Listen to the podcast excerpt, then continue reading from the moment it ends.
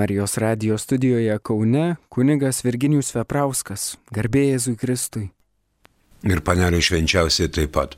Malonus Marijos radio klausytojai, girdima laida aktualieji bažnytinės teisės klausimai. Praeitoje laidoje įsiaiškinom 1213 kanoną. Dabar kitas skirsnis apie bažnyčias. Kas yra bažnyčia? Bažnyčia tai yra tikinčiųjų susibūrimas arba tikinčiųjų subūrimas, nes mus subūrė į draugę šventoji dvasia. Ir tik tai antroje vietoje yra vieta, bažnyčia, pastatas, kuriame klausantis Dievo žodžio švenčiama Euharistija ir prieimiami sakramentai bei sakramentalijos. E, šita mintis susiformavo jau nuo pirmo iki ketvirto amžiaus, kad skirtųsi nuo pagonių šventyklos ar žydų sinagogos. Todėl pradėta imti vadinti šventovę arba bažnyčią, graikiškai eklesija. Eklezija ir iš eilės 1214 kanonas. Bažnyčia, vadinamas šventas pastatas, skirtas dieviškajam kultui, į kurį tikintieji turi teisę ateiti. Visų pirma, viešai praktikuoti dieviškąjį kultą. Prie 1214 kanono pirmoji mintis. Pastatas. Materiali konstrukcija. Stabili, matoma, dvasinės realybės ženklas. Bažnyčia. Matoma, stabili. Seno testamento šventovė tai buvo ypatingo Dievo artumo ženklas, išrinktai tautai. Mes žinome šventojo rašto, pažiūrėjau, Evangeliją pagal Joną, pirmos skyriaus 14 eilutė, antros skyriaus 21 eilutė ir taip toliau. Tai yra vieta, kur tėvas garbinamas tiesoje ir padeda žmonėms suprasti tiesą. O dabar gyvena Jėzaus įsteigtoje tautoje žemėje. Mes žinom, kad išrinktoji tauta buvo Dievo apsaugota nuo politeizmo, tai yra monoteistinė religija, judėjai, išrinktoji tauta. Visos aplink esančios gentys buvo politeistinės. O žydų tauta buvo monoteistinė, todėl ten buvo tėvas garbinamas tiesa ir dvasia. Tikrieji tėvo garbintojai gyvena tiesa ir dvasia. Dabar pagal prefaciją mes esame išrinktoji tauta, karališkoji kunigystė, jau nebe žydų tauta, nebe išrinktoji. Dabar krikščionys esame išrinktoji tauta. Tai pirma mintis. Antroji tai mintis prie 1214. Tai yra tikinčiojų teisė bažnyčioje vykdyti Dievo kultą. Viešai To nebuvo formuluotėje 1917 m. kanonų teisės kodekse, kur reglamentavo 1161 e, kanonas. Dabar gali mums į pagalbą ateiti 214 e, kanonas. Kristaus tikintieji turi teisę garbinti Dievą pagal savo apieigų patvirtintų teisėtų bažnyčios ganytojų nuostatas ir laikytis savo, tačiau atitinkančio bažnyčios doktriną dvasinio gyvenimo būdo. Savo gyvenimo būdo, tačiau atitinkančio bažnyčios doktriną. Taigi Kristaus tikintieji turi teisę garbinti Dievą pagal savo apieigų nuostatas. Dar galima pasižiūrėti į 205 kanoną. Visiškoje bendrystėje su katalikų bažnyčia šioje žemėje yra tie pakrikštytieji, kurie tikėjimo išpažinimo, sakramentų ir bažnyčinio valdymo ryšiais jos regimojoje sąrangoje yra susijęti su Kristumi visiškoje bendrystėje su katalikų bažnyčia. Regimoje sąjungoje yra susijęti su Kristumi.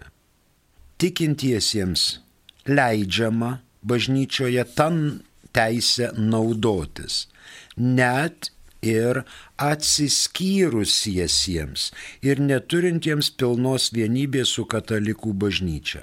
Žinoma, su vietos ordinaro leidimu.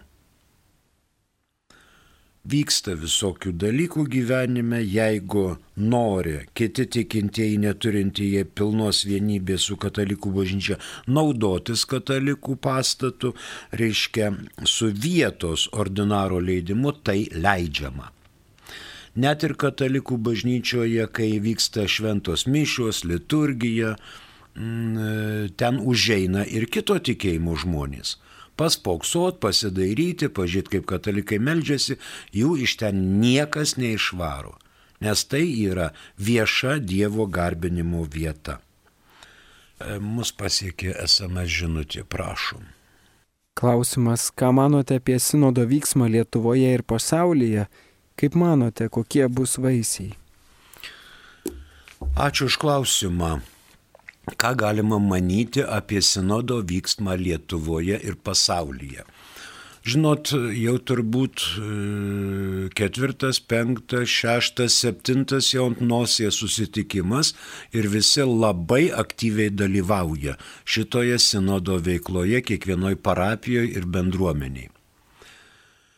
Kai pasiklausai šiaip žmonių, tarkim, privačiuose pokalbiuose ar susitikimuose, oi tai jie turi ką pasakyti, bažnyčia šiokia, bažnyčia tokia, bažnyčia apskretusi, bažnyčia prarūgusi, bažnyčia nešiuolaikiška. Tai vad ateikite į sinodą ir pasakykite savo mintis ten, kuris vyksta parapijose. Pažiūrėkit kokios temos. Ir pasakykit, kad bažnyčia prarūgusi, bažnyčia prasmirdusi, bažnyčia nemoderni, bažnyčia senamadiška. Tik matot, kritikuoti tokiu būdu yra iš bažnyčios tyčiojimasis. Jūs turite pateikti argumentus. Štai viešpats Jėzus Kristus darė taip ir taip, o bažnyčia kažkodėl taip ir taip nedaro.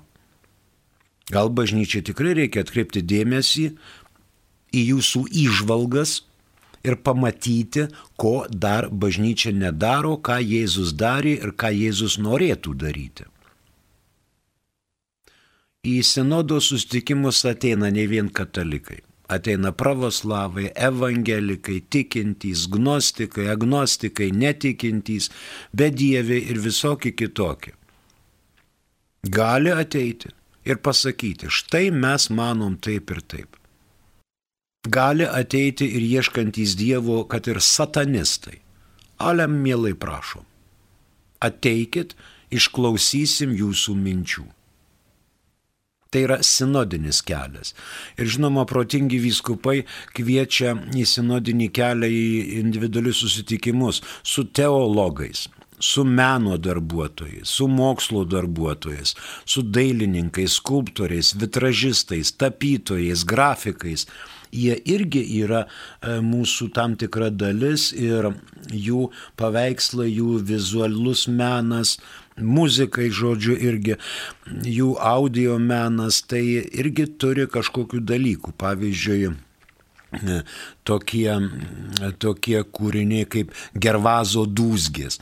Taigi žmonės e, ima, galvoja, vaikšto, masto, kokia muzika turėtų būti, kokie žodžiai turėtų būti, kas iš vis čia dedasi. Ir kartais turi labai gerų šventos dvasios apšviestų idėjų, kurias gali perteikti. Ne taip, o anaip. Reikėtų to arba ano. Ir duodat argumentus, kodėl jūs taip galvojate. Tai čia dėl Lietuvos. O kaip manote, kokie bus vaisiai? Manau, kad vaisiai tikrai bus šventojoje dvasioje. Nes šie metai tai čia yra e, pas mus apačioj, parapijose, vyskupijose, o kitais metais bus bažnyčios lygmenyje, kai vyskupai susistemins ir iškristalizuos mintis ir po šitų minčių bus pateikta ant stalo popiežiui. Ten komisijos nosies nekrapšto, laukia jūsų idėjų ir paskiau sistemins. Ką šneka Australija, Azija, Afrika, Šiaurės Pietų Amerika, Europa, Britai, ką jie šneka, kokios yra tendencijos, kokie norai, kokie pageidavimai. Šitas popiežius iškėlė tokią mintį ir šitas sinodas turbūt yra antro Vatikano susirinkimo tasa ir brandumo vaisiai. Antras Vatikano susirinkimas iškėlė daug radikalių minčių ir mes po trupučiuką pradedam jas jau lygtai įgyvendinti. Susirinkimas prieš 50 metų gerų pasibaigė O dabar jau yra tokia liktai ir šito susirinkimo užsklanda. Dar kartą žvelgiame, ko nepastebėjome. Vaisiai bus tikrai teigiami, be jokios abejonės. Franius sugalvojo ir jisai, aišku, po ilgų ten diskusijų debatų kažkokį dokumentą parašys. Gal po sinodinį paraginimą, gal motu proprio, gal enciklika, neaišku. Bet čia reikės laukti, laukti turbūt porą metų. Kitais metais net ir pabaigoje dar dokumentas neišės. Ko gero 24 mes lauksime rimto dokumento su popiežiaus išvalgomis. Ačiū už klausimą. Dabar kaip dalomos bažnyčios. Visų pirma, ateina į pagalbą 382 kanonas. 382. Čia trečias, ketvirtas paragrafai. Vyskupas kanoniškai užima vyskupiją, kai tik pačioje vyskupijoje asmeniškai ar per įgaliotinį pateikia paštalinį raštą konsultorių kolegijai dalyvaujant kurijos kancleriui, kuris apie tai surašo aktą arba naujai įsteigtose vyskupijose, kai tik paskelbė tą raštą katedros bažnyčioje esantiems dvasininkams ir žmonėms. Seniausiajam iš esančių kunigų surašant aktą.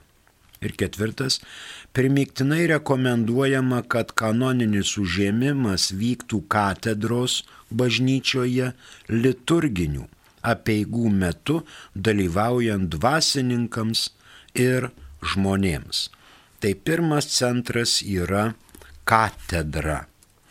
Dar galima pasižiūrėti į 389 katedros bažnyčioje ar kitoje savo vyskupijos bažnyčioje turi dažnai vadovauti šventosios Eucharistijos celebravimui, ypač per privalomas šventes ir kitas iškilmes.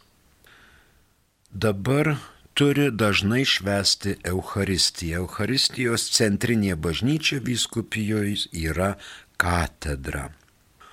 Katedrai prilyginamos bažnyčios tai teritorinė abatija ir jo centrinė bažnyčia, teritorinė prelatūra ir jos bažnyčia, apaštalinis vikariatas ir apaštalinė administratūra.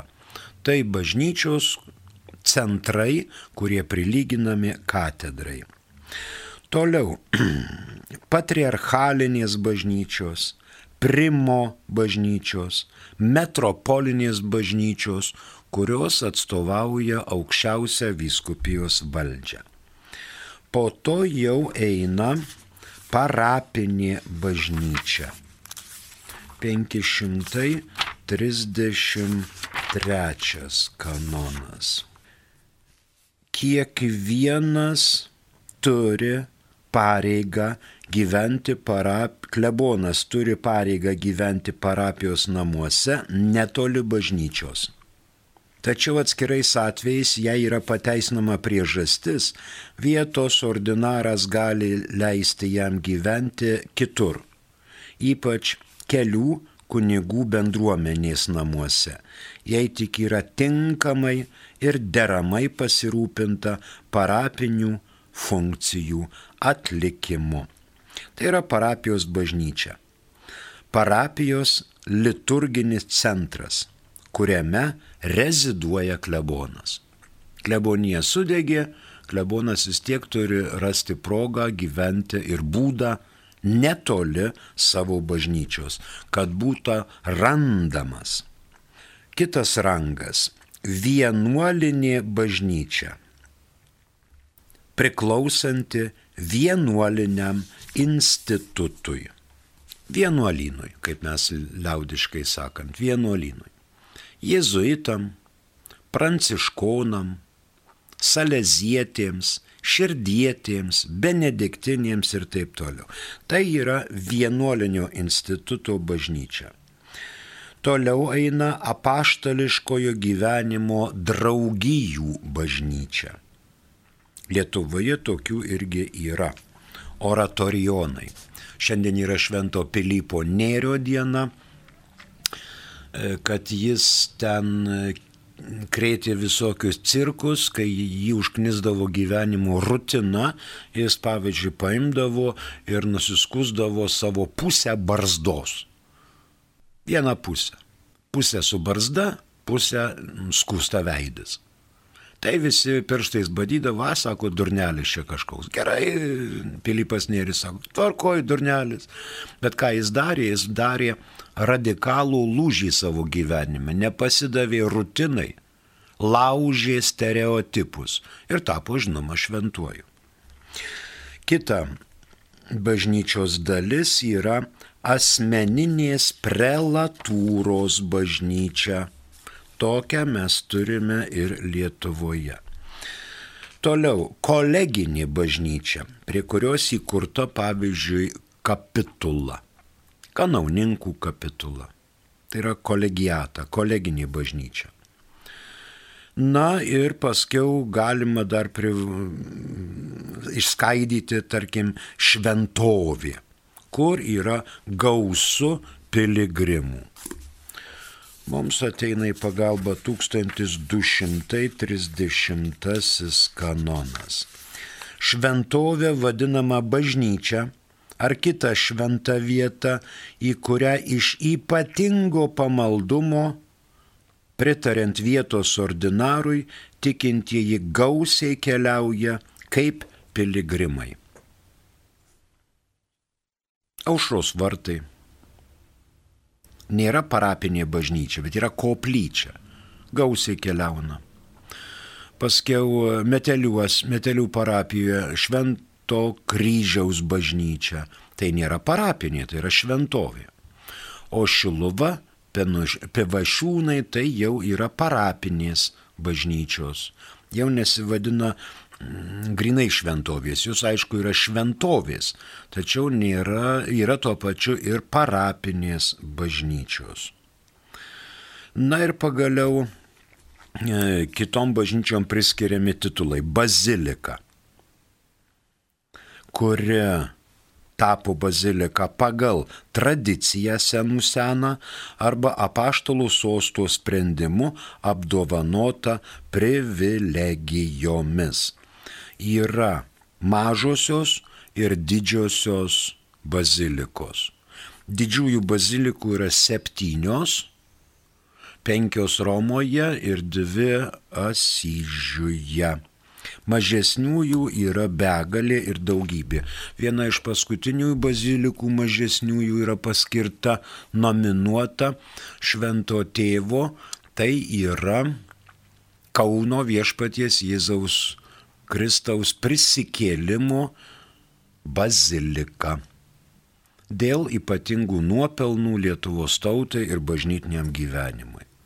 Tai va iš tokių paskutiniųjų. O bazilikų Lietuvoje yra tikrai daugiau. Žodžiu, mažesnėsis ypatingos privilegijos ir ten vyksta liturginiai ypatingi veiksmai ir pastoraciniai uždaviniai. Dar priskiriamos prie kitų bažnyčių - tai filijos ir rektoratai. Kiek kaunė rektoratų? Ar ne dešimt? Gal aštuoni, devyni, neskaičiau, bet vat rektoratai. Jėzuitų rektoratas, Vytauto didžiojo rektoratas ir taip toliau. 1917 m. kanonų teisės kodekse šitos dalykus reglamentavo 1198, 1188 kanonas.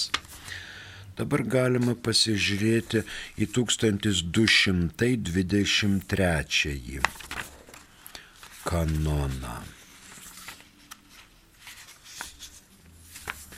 Oratoriumu vadinama vieta dieviškajam kultui, ordinaro leidimu paskirta kokios nors bendruomenės ar ten susirenkančiųjų tikinčiųjų grupės geroviai, į kurią kompetentingam vyresniajam sutikus gali ateiti taip pat ir kiti tikintieji.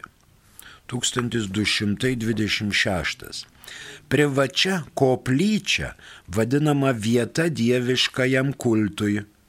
Vietos ordinaro leidimu paskirta vieno ar daugiau fizinių asmenų globai. Na, dar galima pasižiūrėti į 397.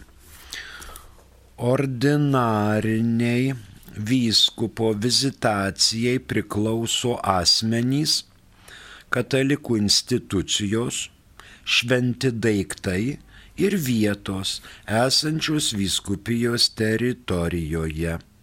Popiežinės teisės vienuolinių institutų narius bei jų namus vyskupas gali vizituoti tik teisės numatytais atvejais popiežiaus teisių ten koplyčios yra šiek tiek išimtos iš vyskupo žinios. 557 kanonas. Į bažnyčios, ne, bažnyčios rektorių laisvai skiria dieceznis vyskupas, laikydamasis rinkimų ar teikimo teisės. Jeigu kam teisė tai priklauso. Tokiu atveju dieceziniam vyskupui priklauso rektorių patvirtinti ar suteikti paskyrimą. Net jei bažnyčia priklauso popiežių teisių dvasininkų vienuoliniam institutui.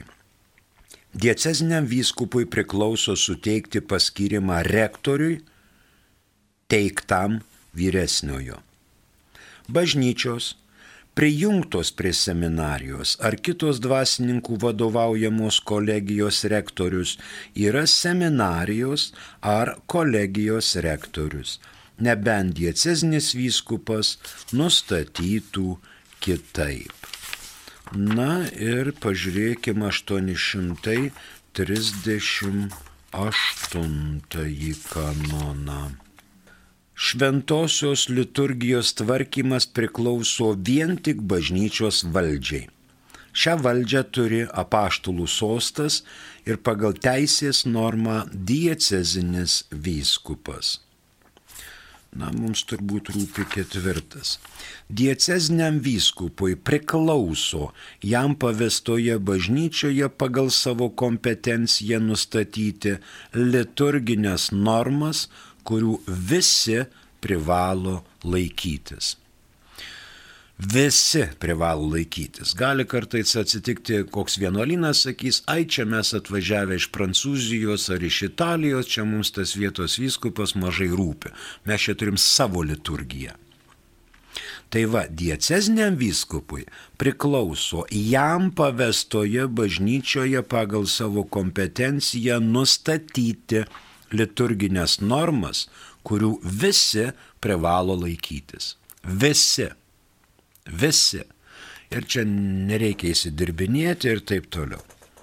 Visi privalo laikytis.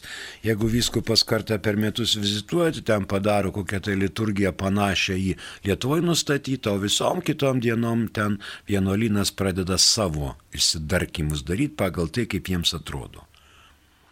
Taigi, vietos vyskupas nustato liturginės normas, kurių visi privalo laikytis. Mus pasiekė žinutė, prašom. Jei žmogus patiria smurtą nuo savo sutuoktinio, kokios yra sąlygos atsiskyrimui, tai yra gyvenimui atskirai? Bažnyčia 220 kanonu ten telpa visos žmogaus teisės. Pasižiūrėkime. 220 kanonas. Kas dirbat su knyga, prašom atsiversti. Niekam neleidžiama neteisėtai pakengti gerai asmens reputacijai ar pažeisti bet kurio asmens teisę išsaugoti savo privatumą. Dabar smurtas. Smurtas tai žinoma yra asmeniai žala. Ir jeigu tai tęsiasi, sutuoktinis turi teisę ieškoti teisybės. E, Lietuvos civilinė valdžia jau yra pažengusi tolokai ir žinoma, kai smurtas artimoje aplinkoje, kviečiama policija, ar ten vyras daužo vaikus, daužo žmoną, e, girtokliauja nuolat, neįmanoma gyventi, tai vieną kartą policija išveža, antrą, trečią, na paskiau jau yra pagrindas su tokiu asmeniu išsiskirti tikrai yra pagrindas išsiskirti. Tai yra gyventi atskirai. Tačiau sudaryti kitos santuokos dar ne, kol bažnyčia savo teisminiu sprendimu nepasisakė apie tos santuokos galiojimą. Kartais yra nepakeliamos sąlygos ir bažnyčia numato tokius atvejus, kada galima gyventi atskirai išeinu su vaikais pas savo tėvus ar panašiai. Tegu jis čia bušavoja, daužo indus ir gyvena kaip jam patinka. Tas pats ir su moterimi. Jeigu ta prasigeria, vyras neturi ką daryti, tai jisai gali ir skirtis. Bažnyčia skirtis nedraudžia. Tačiau paprastai jauni žmonės po vieną negyvena, paskui susiranda antras pusės ir čia jau bažnyčia randa šitą reikalą peiktiną. Ačiū. Mus dar pasiekė telefono skambutis, prašom. Paskambino Antanas iš Žemaitijos. Klausom jūsų. Gerą vakarą. Mhm. Čia, kabūna, aš tik paklausimą dėl, dėl rožončiaus kalbėjimo. Nu, dažniausiai rožončių aš kalbu, kad turi švarkį, kurti su kalbį patį rožončių. Bet būn, kad nėra kišenėje, o žen mums kalbėti mintimis, šnautas visas paslaptis, kalbom pirštų. Norėjau paklausti, ar ta malda įsveitnesnė, ar ar vis taip tuos patiko, kad turėtų rožončių. Žinai, Antanai, tikrai vyksta tikrai vyksta. Nėra būtina turėti to ant karoliukų suvertų ant virvelės ten ir pagal skaičių. E, ten lengviau nepasimesti, tai yra įrankis padedantis mums nepasimesti, kad yra dešimt sveika Marija, o ne devyni ar vienuolika. Mes kalbam sveiką Mariją taip pat lūpomis ir mintimis galvojam apie tą paslaptį, kuri yra pažymėta. Ar tai angelas apreiškia Marijai, ar tai Jėzaus gimimas, va dešimt kart sveika Marija kalbam ir mastom apie ant pirštukų. Jeigu pasitaikė, kad devyni karoliukai, devynis ar, ne, nesupra, ar vienuolika, ar dvylika, visai nesvarbu. Tai yra rožančiaus malda. Tas rožančius, kuris yra kišenėje, arba žiedukas, arba ant virvelės su nerti karoliukai, yra tik tai priemonė ir pagalba. Pavyzdžiui, sėdi žmogus kalėjime. Tai ką dabar jisai sakys duok rožančių, kad paskui tą rožančių ten tie prižiūrėtojai žiūrėtų, kas čia, kodėl čia, ką čia reiškia ir taip toliau. Tai jisai ant pirštukus kalba rožančių ir malda vyksta šimtų procentų. Malda vyksta. Ačiū Antanai Žemaitijos, malonu, kad išlaikiai žemaitišką kalbą. Laimė ir džiaugsmas. Prašom kitas klausimas. Garbėzui Kristui. Ramžis Amen. Patarkite, ką daryti. Kaip sutarti, kada katalikiškoje bendruomenėje vieni palaiko Ukrainą šiame kare, kiti nepalaiko, todėl atsiranda nesutarimų. Ačiū ką daryti? Melstis ir nepaliauti. Melstis ir nepaliauti. Melstis ir nepaliauti. Ačiū. Kitas klausimas. Aldona iš Klaipatos klausė, kodėl pasauliečių gyvenant civilinėje santokoje negalima priimti švenčiausio sakramento, o kunigui gyvenančiam su moterimi ir auginančiam bendrą vaiką galima. Dabar todėl, kad pasaulietis gyvena civilinėje santuokoje ir nesudaro bažnyčios palaimintos santuokos. Reiškia, prieš valstybę jis yra tvarkoj sudaro su moterim ten santoka, ar testamentas, ar pavardė, ar vaikai, ar bendro gyvenimo, ten arba turto klausimai, lygoja gali lankyti ligonė, įrodo, kad čia žmona, čia vyras ir taip toliau. O dabar švenčiausią sakramentą priimti ir tokiu atveju galima, jeigu jie ima ir neturi bendro gyvenimo. Juos sieja tik tai bendras stalas, bet nesieja bendra lova. Yra kaimynai. Jau yra amžius toks pažengęs, tada jie tikrai gali eiti iš pažinties ir priimti šventą komuniją, čia jau jų asmeninis reikalas, kaip jie tą mato ir įsivaizduoja. Ir su nuodėmklausiu jie šnekasi pasišneka ir tada priima sprendimą taip arba ne taip. Žinot, būna Tai vad kartais ten pasitaiko, bet kartais ir nepasitaiko toks gyvenimas. Tai dar jeigu šitas gyvenimas vyksta, kartais pasitaiko, dar žmogus negali eiti prie išpažinties, gauti išrišimų ir priimti santokos sakramento. Dabar kunigas gyven, aš irgi gyvenau su moterimi. Aišku, kad gyvenau. Tik tai neauginau bendrų vaikų. Man buvo apie 30 metų, o mano šeimininkiai buvo 30 trūko iki 100 ir gyvenau klebonijoje, ir po vienu stogu, ir vyskupas matė šitą, ir vis tiek klebonas gyvena su moterimi. Va klebonas, va moteris. O dabar jūsų žinomas čia toks pavyzdys, kad kunigui gyvenančiam su moterimi ir auginančiam, auginančiam bendrą vaiką galima. O jūs žinote, kad jie, pavyzdžiui, gyvena bendrą gyvenimą. Šiukšlės išneša, ten konteinerį, ten apsiperka kartu. Nu. Galėjo būti kažkada tokia klaida kad įvyko ir yra vaikas. Parapija paprastai labai greitai sužino ir žinoma, tokių dalykų neturėtų toleruoti. Tokių dalykų turėtų netoleruoti. Kunigas yra lygiai toks pat žmogus kaip ir jūs. Tik tai kunigas kažkada yra apsisprendęs ir Dievui pasakė taip. Jisai baigė mokslus, jį pamokė bažnyčia ir vyskupas pamastęs, pavartęs jo bylelę, sutiko jam duoti šventimus.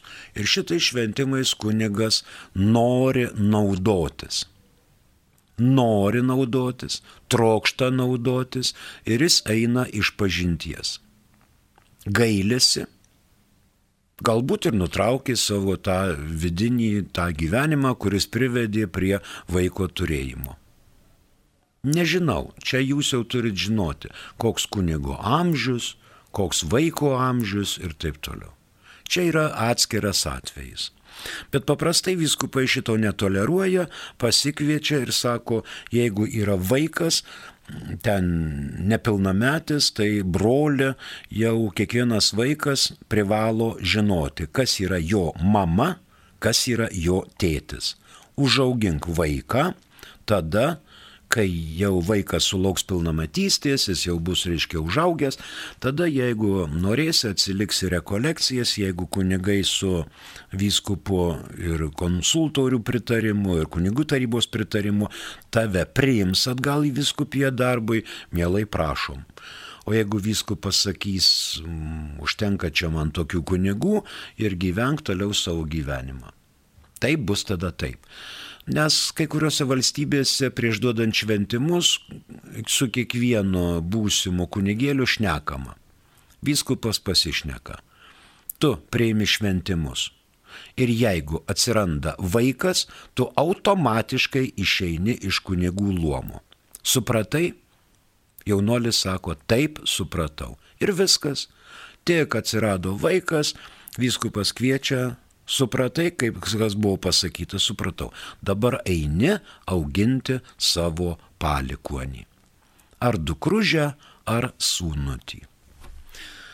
Ačiū už klausimą, dar mes turime kažką, prašom. Juozas iš Marijampolės. Ar yra kokie nors konkretūs požymiai, pagal kuriuos būtų galima nustatyti, ar žmogus apsėstas, ar psichinis ligonis? Dėkui. Labai plona linija tarp psichinės lygos ir apsėdimo. Dabar, kai atsirado oficialiai egzorcistai, tai tada prasidėjo ir visi šitie dalykai. Paprastai yra psichoterapeutai. Psichoterapeutai yra tie asmenys, ypatingai jeigu tikintys arba turintys ryšį tokį tampresnį su malda, tai jiems nėra sunku nustatyti, ar tai psichikos ligonis, ar tai apsėstasis.